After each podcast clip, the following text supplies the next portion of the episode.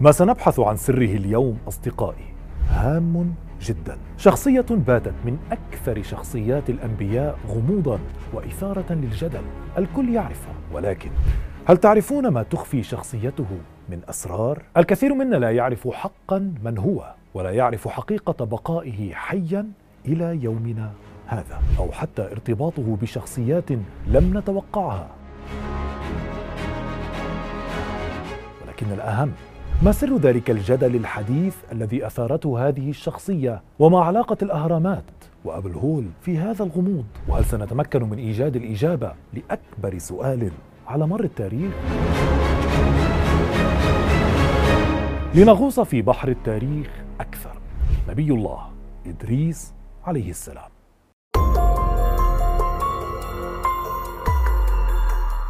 أصدقائي المتابعين حلقتنا اليوم حول نبي من أنبياء الله الذين ورد ذكرهم في القرآن الكريم.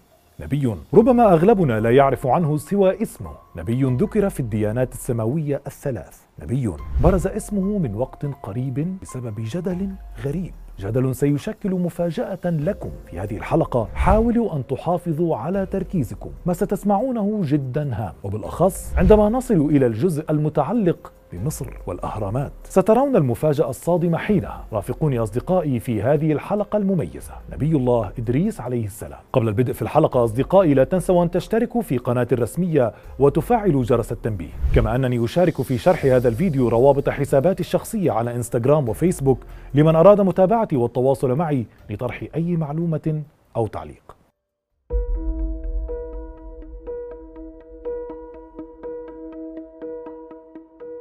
النبي إدريس عليه السلام نبي ذكر في القرآن الكريم في موضعين في سورتي مريم والأنبياء وفي ذكر صريح لنبوته وصفاته.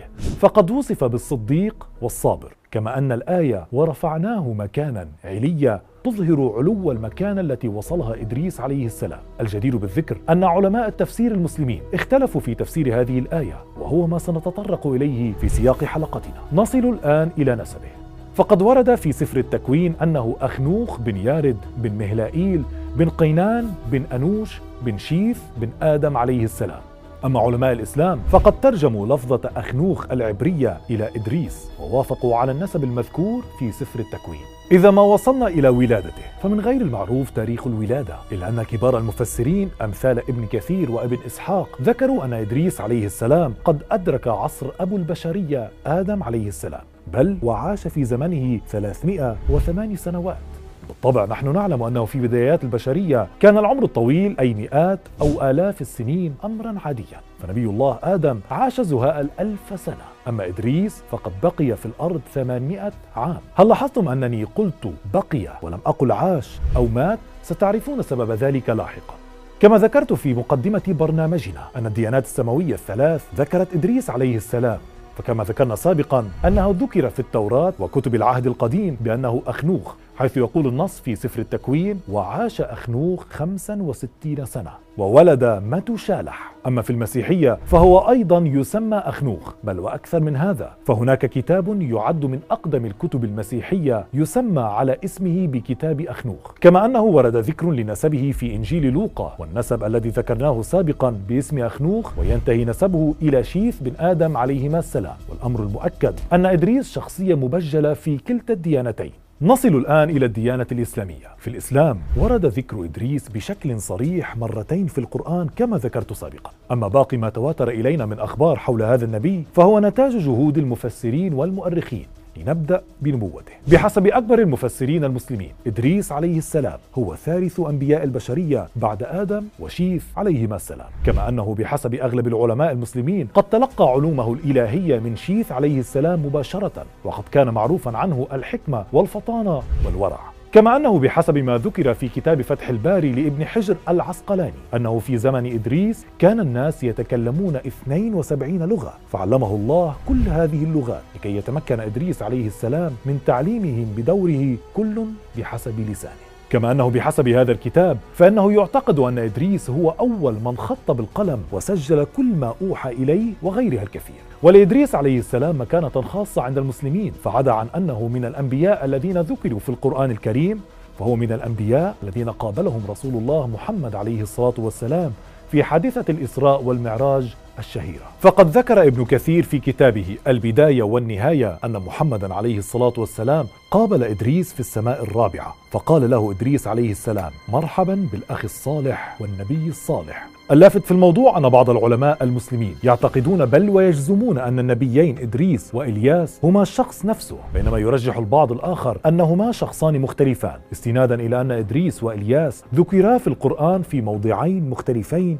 باسميهما. ولم يرد أي نص صريح يربط بين شخصيهما أما الجزء الأغرب فهو ما ذكره بعض علماء المسلمين وأبرزهم مفتي جمهورية مصر السابق وعضو هيئة كبار العلماء الدكتور علي جمعة عن علاقة إدريس عليه السلام بأبو الهول والأهرامات. تذكروا هذه المعلومة جيدا فهو موضوع جدلنا وغموض حلقتنا هذه. أما الآن نصل إلى وفاته أو بالأصح رفعه إلى السماء. في حديث نقله كبار المؤرخين المسلمين ما ينص على التالي أربعة من الأنبياء أحياء أمان لأهل الأرض. اثنان في الأرض خضر وإلياس. واثنان في السماء إدريس وعيسى. هذا الحديث يعد من الدلالات الواضحة على رفع إدريس إلى السماء. الملفت في الأمر أن فكرة رفع إدريس عليه السلام لم ترد فقط في النصوص الإسلامية بل تعدتها إلى اليهودية والمسيحية. لنعود إلى سفر التكوين الذي نجد النص الدال على رفع إدريس كالتالي وصار أخنوخ مع الله ولم يوجد لأنه أخذه. أما في المسيحية فقد اختلف الأمر بين المسيحية القديمة والحديثة. فالمسيحية القديمة تؤمن برفعه إلى السماء. فنجد في نصوص رسالة بولس إلى العبرانيين التالي بالإيمان نقل أخنوخ لكي لا يرى الموت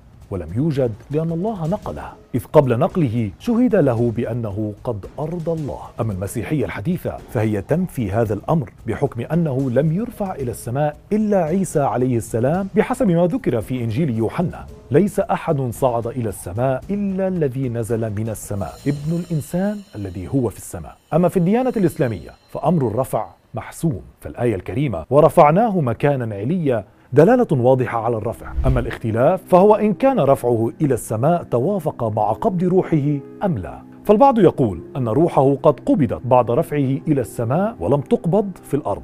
فيما يرى آخرون أنه لم يمت بل رفع إلى السماء وخلد هناك.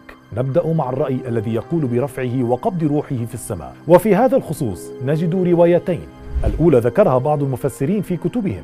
أن إدريس عليه السلام كان له صاحب من الملائكة وقد أحب إدريس أن يزداد علما وعملا فطلب من هذا الملاك أن يصحبه إلى السماء ليطلع على أعمال بني آدم التي أوحى الله له أن يرفعها يوميا. فحمله الملاك بين جناحيه حتى وصلا إلى السماء الرابعة فقابلا ملاك الموت هناك وهو يكمل طريقه هبوطا. فتكلم الملاكان مع بعضهما وكان فيما كان من حديثهما ذكر إدريس. فسأل ملاك الموت الملاك الآخر عن مكان إدريس فأخبره الملاك أن إدريس على ظهره.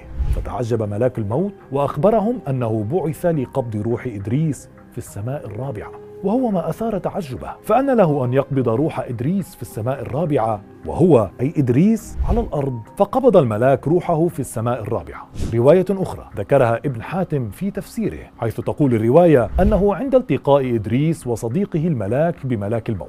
طلب إدريس من صديقه أن يسأل ملاك الموت عن العمر الباقي لإدريس فكان جواب الملاك لا أدري حتى أنظر. فلما نظر ملاك الموت أجاب بالتالي إنك لتسألني عن رجل ما بقي من عمره إلا طرفة عين. وبحسب الرواية أن ملاك الصديق نظر إلى تحت جناحه ليجد إدريس وقد قبضت روحه. الروايات اختلفت في مكان قبض روحه ما إذا كانت في السماء الرابعة أم الخامسة أم السابعة. إلا أن جميع المفسرين يرون أن هذا هو المقصود من الآية ورفعناه مكانا عليا. أما التفسير الآخر الذي يقول برفع إدريس إلى السماء وعدم موته كحال نبي الله عيسى بن مريم عليه السلام. هذا الأمر أيضا ورد على لسان بعض المفسرين والفقهاء المسلمين. وإلى يومنا هذا لم يتم التوصل إلى حقيقة ما إذا كان إدريس عليه السلام قد مات بعد رفعه إلى السماء أم أنه ما زال حيا في السماوات العليا ولكن موضوع وفاته أو رفعه ليس بالموضوع الجدلي الوحيد. فقد زخر التاريخ بربط إدريس عليه السلام بشخصيات أخرى وهو ما سنتناوله تاليا.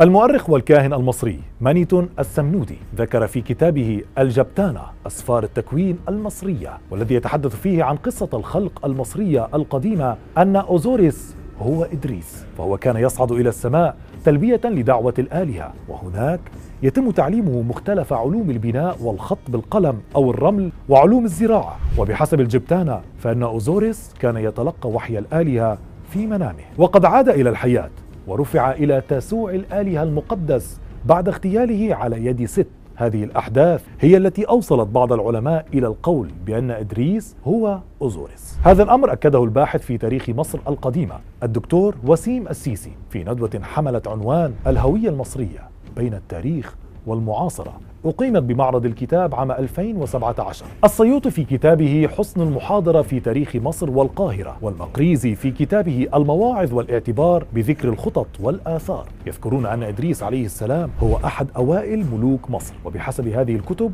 فإن إدريس هو أول من علم المصريين علم الفلك والهندسة والطب. كما أن إدريس هو من قام ببناء المعابد والمنازل ليعيش فيها المصريين القدامى بدلا من الكهوف. ياقوت الحموي يخبرنا في كتابه الشهير معجم البلدان عن سبب قدوم إدريس عليه السلام إلى مصر فأغلب المصادر أوردت أن إدريس ولد في بابل فما الذي أوصله إلى مصر؟ عن هذا يقول الحموي أن إدريس تعرض لمضايقات في بابل بعد بعثه نبيا تكذيب وتحريض عليه فقرر الخروج من بابل مع من آمن بدعوته ودعا الله أن يسخر له أرضا شبيهة لبابل لأن القوم الذين خرجوا معه كانوا متخوفين من عدم إمكانية إيجادهم أرضا وفيرة الخير كبابل. فأوحى الله له أن يرحل إلى مصر فلما وصل إلى مصر ورأى النيل حمد الله وشكره وجعل مصر مركز إقامته ونشر دعوته. والآن نصل إلى الجزء الأغرب من حلقتنا.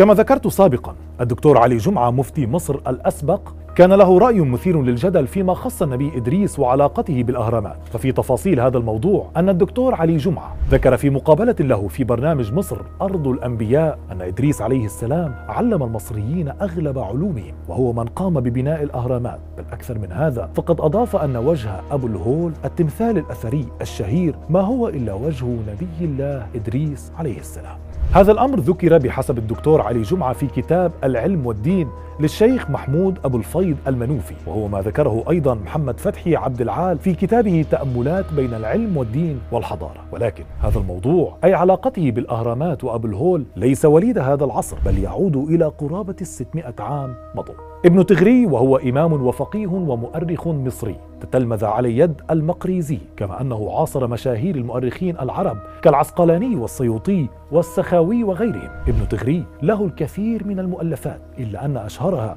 هو كتاب النجوم الزاهرة في ملوك مصر والقاهرة. في هذا الكتاب نجد أن ابن تغري قد ذكر أن إدريس علم المصريين مختلف العلوم كما ذكر غيره إلا أنه يضيف أمرا غريبا. فهو يقول أن إدريس عليه السلام وبحكم معرفته بعلم الفلك وفهمه لحركة الكواكب استدل على قرب حدوث الطوفان فقام بإيداع كل العلوم التي سجلها في بناء قام بتشييده خصيصا لهذا الغرض أي لحمايتها من الضياع. أما هذا البناء فلم يكن إلا الأهرامات.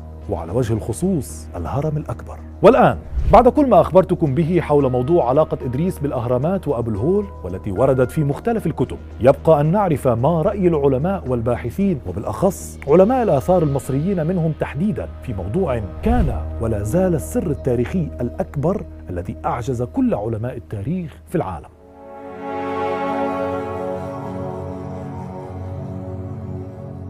المفاجأة التي فجرها الدكتور علي جمعة بحديثه عن نبي الله إدريس والأهرامات أثارت حفيظة عدد كبير من علماء الآثار المصريين وعلماء المصريات وبالأخص عالم الآثار المخضرم ووزير الدولة الأسبق لشؤون الآثار الدكتور زاهي حواس. الدكتور زاهي والذي تحدث في أكثر من مقابلة كما صدر بالتوازي بيان عن مكتبه الإعلامي أكد على عدم صحة ما قيل حول كون النبي إدريس عليه السلام هو من بنى أول هرم وقد نفى كذلك نفيا قاطعا موضوع أن وجه أبو الهول هو تجسيد لوجه إدريس عليه السلام أو حتى أن يكون إدريس هو من بناه فهو أي الدكتور زاهي. يرى أن ما ذكره المفتي السابق كان قد ذكر سابقا في كتاب سيد كريم المعنون بلغز الحضارة المصرية. وهذا الكتاب بحسب الدكتور زاهي يصنف ضمن كتب التخيلات الغير علمية والتي لا تمت لكل البحوث والاكتشافات التي عمل عليها دكتور زاهي وغيره من علماء الآثار في موضوع الأهرامات بصلة. دكتور زاهي أضاف أنه لا يوجد أي دليل علمي يثبت صحة ما قاله المفتي. وفي المقابل فإن علماء الآثار ببحوثهم ودراساتهم والاكتشافات المختلفة قد استطاعوا تجميع وتقديم الأدلة الكاملة والتي تثبت أن الملك زوسر هو من قام ببناء أول هرم في مصر. وإمحوتب العبقري كان السبب في تحويل البناء من الطوب اللبن إلى الحجارة. أما أبو الهول فالأدلة التي بين أيدي العلماء تدل على أن الملك فرعون خفرع. هو من قام بتشييد تمثال أبو الهول وطبعا كل هذا بحسب الدكتور زاهي حواس. لذلك ما بين مصدق لما ورد في كتب التاريخ ومؤيد لرأي العلم الحديث يبقى سر النبي إدريس غامضا كغموض أسرار الأهرامات التي سيكون لها قريبا النصيب الأكبر من حلقاتنا.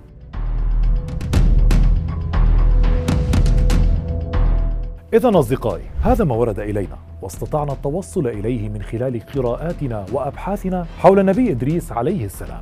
النبي الذي يعد موضوعه موضوعا جدليا بامتياز كالجدل حول وفاته بعد رفعه إلى السماء أو بقائه حيا في السماوات العلى إلى يومنا هذا وصولا إلى ربطه بشخصيات تاريخية مشهورة ولكن يبقى الأهم. ما رأيكم؟ هل فعلا قام إدريس عليه السلام ببناء الأهرامات؟ وهل من المعقول أن يكون أبو الهول تجسيدا له؟ والسؤال الأبرز هل سنصل يوما إلى فك أكبر أسرار التاريخ اعجازا إلى يومنا هذا؟ ونجد جوابا للسؤال الأكبر منذ القدم وحتى اليوم. من بنى الأهرامات أو بالأحرى كيف بنيت الأهرامات؟ لا أحد يعلم.